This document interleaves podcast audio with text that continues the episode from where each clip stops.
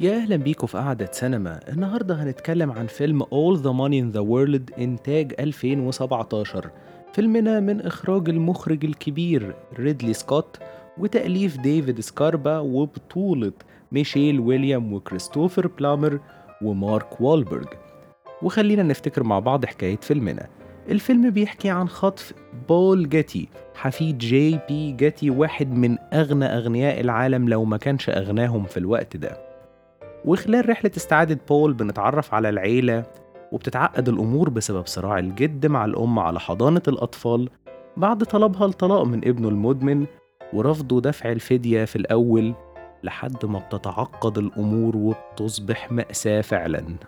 الحقيقة الفيلم واحد من الأفلام الجيدة جدا وكعادة ريدلي سكوت اللي مشهور إن هو من أحرف الناس في business السينما. هو دايما بيدخل مشاريع كبيرة مش بسيطة زي American Gangster Gladiator Alien وحاجات كتيرة جدا. ومؤخرا صدر له ال trailer بتاع House of Gucci اللي بيشترك فيه آدم درايفر آل باتشينو ليدي جاجا جارد ليتو عامل شكل غريب جدا أنا ما كنتش هعرفه لولا إن اسمه مكتوب على ال poster. وال trailer الصراحة حمسني جدا بالإضافة طبعا للأسامي الموجودة واسم ريدلي سكوت نفسه. وفيلمنا هنا مش بيقل عن أفلام سكوت من حيث الضخامة الإنتاجية وضخامة القصة نفسها لأن ده موقف تاريخي. يعني أغنى راجل في العالم حفيده بيتخطف ومش بيرضى يدفع الفدية.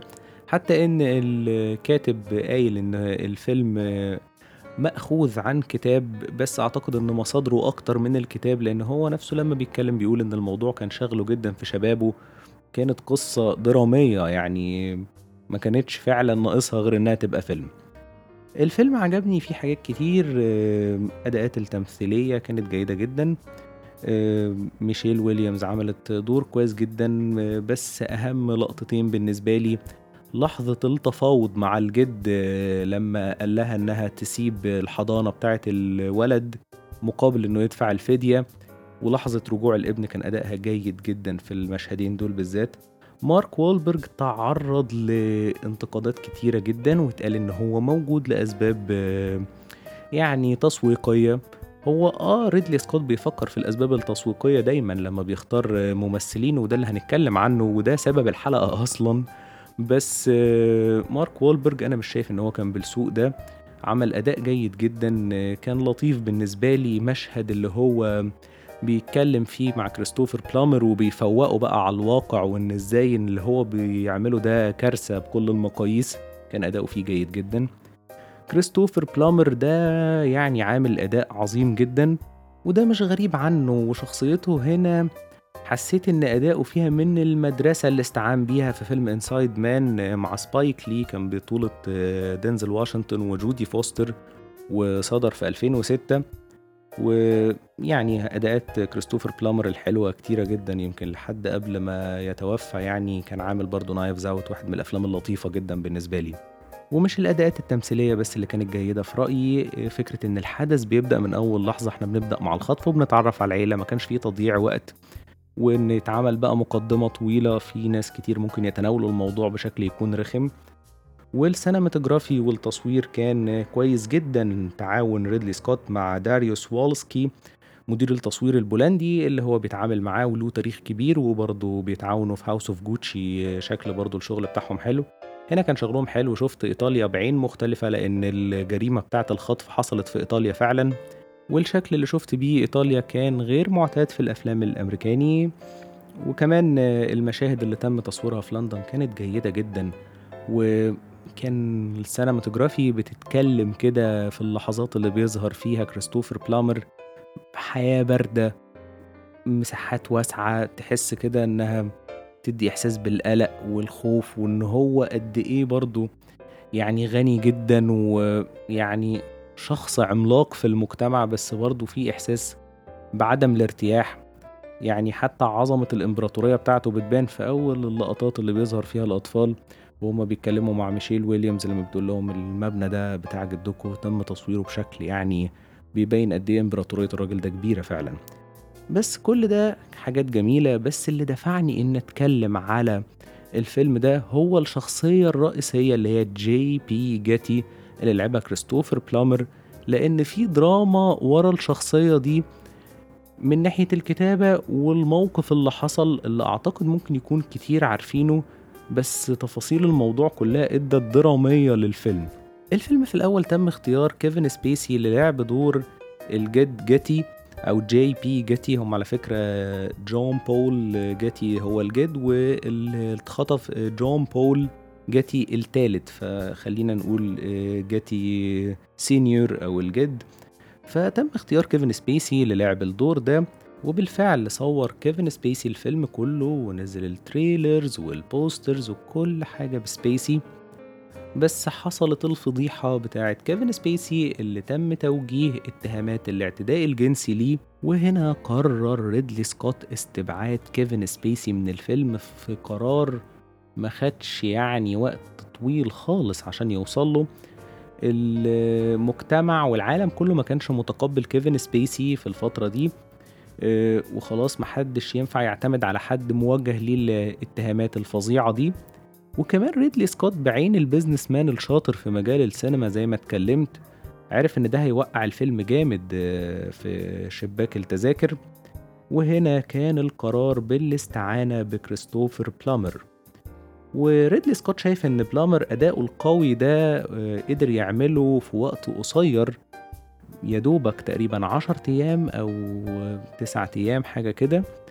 كل ده قدر يعمله بسبب إن هو بيشتغل مسرح كتير وواحد من الممثلين الكبار على المسرح. فده ساعده على إن هو يقدر يعني يأدي الدور كويس ويفتكر الحوارات الطويلة خاصة إن سنه كبير. وعلى كلام ريدلي سكوت برضو إن نسخة كيفن سبيسي كانت أبرد كتير من بلامر. ولو حد شاف ال trailer بتاع كيفن سبيسي هيعرف المشكلة كانت فين. ال make up مع إن سبيسي كده كان في مرحلة عمرية أصغر كتير خلت الموضوع غريب شوية يعني.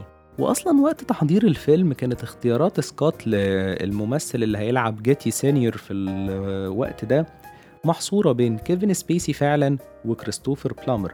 وفي رأيه كانت نقطة القوة لبلامر إن هو سنه كبير في الثمانينات من عمره مناسب جدا لشخصية جيتي senior ولكن لأسباب تجارية وقع الاختيار على كيفن سبيسي لأن حسب كلام ريدلي سكوت كان اسم كبير ومحقق نجاح كبير جدا في House of Cards وده هيفيد الفيلم تجاريا. وعلى الجانب الآخر بقى كريستوفر بلامر الموضوع بالنسبة له كان تحدي وتجربة مختلفة وما خدش وقت كتير عشان يوافق.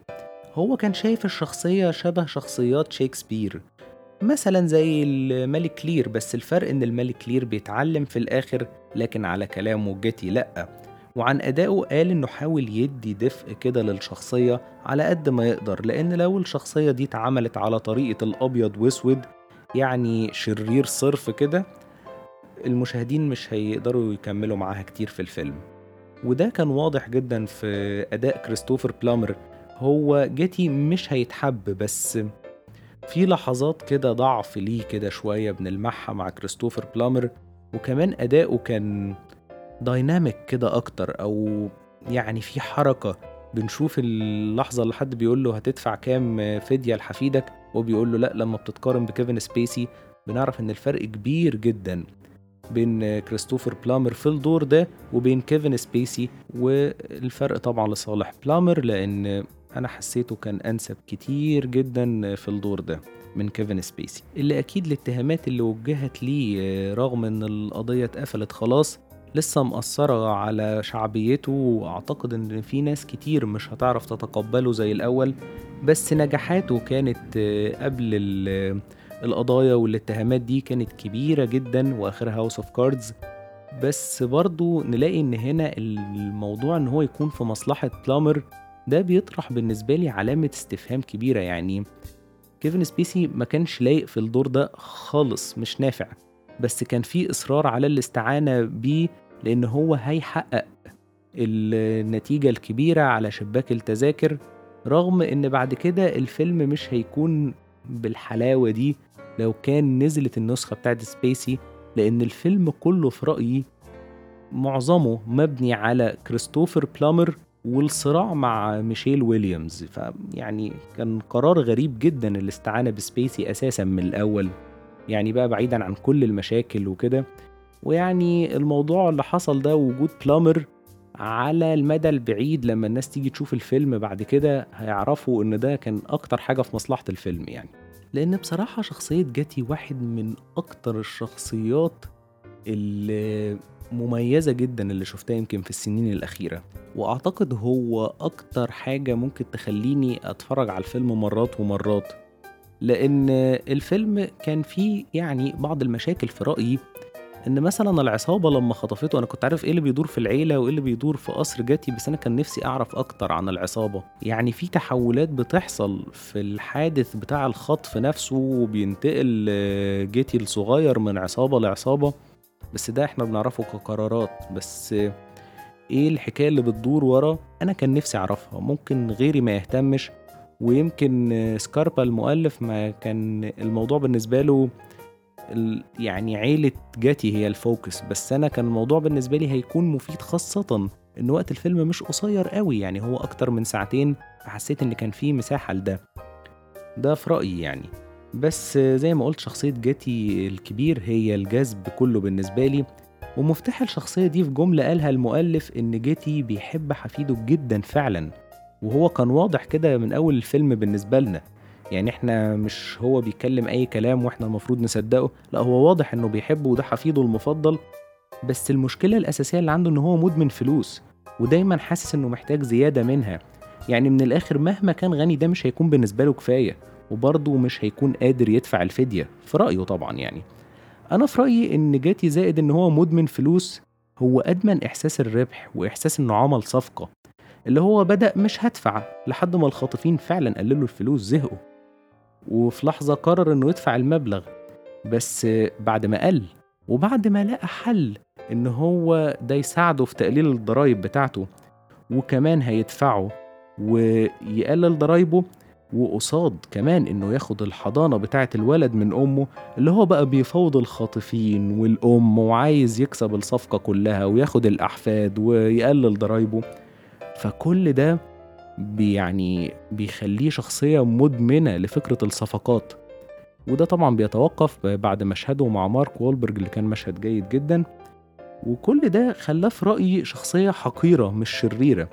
هو مش بيخطط للأذى في حد ذاته بس هو تفاعلاته مع الأمور وإدمانه للفلوس بيخلوه شخص في رأيي في الآخر تعيس جدا ودمر عيلته وده بان بالنسبة لنا في النهاية لأن النهاية كان فيها نوع من أنواع يعني سخرية الأقدار كده يعني أغنى راجل في العالم بيموت وحيد وتعيس ومش قادر يجيب دكتور يلحقه. ولا حد من العاملين معاه اللي المفروض بيتقاضوا أجور كبيرة جدا موجود جنبه لدرجة إنه عايز حد يلحقه فبيشد لوحة من التحف اللي بيشتريها وبيخزن فيها فلوسه عشان جرس الإنذار بتاعها يضرب ومحدش بيلحقه فعلا في الآخر. يعني نهاية مأساوية. وسخرية الأقدار بتتمثل إن الورثة بيصبحوا أحفاد القصر اللي كان عايز ياخد حضانتهم. فضمنيا بتصبح هي جيل أو طليقة ابنه اللي لعبتها ميشيل ويليامز. هي اللي معاها الحضانة وهي اللي مسيطرة على فلوسه. فيعني تخيل حد كان عايز يكسب كل حاجة بيخسر حياته وبيموت وحيد حزين تعيس. وشخصية كان باين إن قدرها إنها تخسر كل حاجة بتكسب كل حاجة ضمنيا في الآخر. أي نعم التمن كان كبير وحزين ويمكن القصة الحقيقية بتاعت العيلة دي في رأيي إنها حزينة أكتر من الفيلم إن هو خلاص جاتي مات ومارك والبرج وميشيل ويليامز كان في كده قراءات للفيلم إن هم احتمال يكملوا مع بعض. لا القصة الحقيقية إن جاتي الصغير بعد فترة بيتعرض لمتاعب صحية كبيرة جدا وبيفضل مش بيقدر يتحرك لحد وفاته في 2011 فالحقيقة يمكن أتعس من الفيلم وجيتي في الحقيقة ما ماتش في نفس الوقت ده مات أعتقد بعدها فالنهاية كانت رمزية من ريدلي سكوت إن آه جيتي شخصية جيدة جدا من ناحية الكتابة وكله بس جاذبيتها كلها وقصته جذابة في رأيي إن هو معداش مرحلة جمع الفلوس يعني. هو الفلوس مهمة وأي حد يقول فلوس مش مهمة هيبقى مجنون. بس هي الفلوس مهمة عشان الناس تستخدمها. هو فضل يلم الفلوس يلم الفلوس بس في الآخر معرفش يستخدمها. فهو ده الفكرة في رأيي. ويمكن في قراءات كتير قوي لأمور اقتصادية وسياسية تم انتقادها في إن يعني تم الكلام عنها في الفيلم. وفي ناس وجهت النقد لريدلي سكوت. وفي ناس قالوا إن هو بينتقد حاجات. بس أنا يعني ما حسيتش كده. أنا حسيت إن ريدلي سكوت كان بينتقد الجميع في الفيلم ده من كل النواحي. فلحد هنا خلص كلامي عن All the Money in the World ويمكن تحديدا الحلقة دي كانت عن شخصية جي بي جاتي رجل الأعمال الكبير اللي قصته كلها دراما في الحقيقة وفي الفيلم. يا رب تكون الحلقة عجبتكم. يا ريت اللي مش عامل سبسكرايب يعمل عشان توصل لكم الحلقات الجديدة باستمرار. ونتقابل الحلقة الجاية. مع السلامة.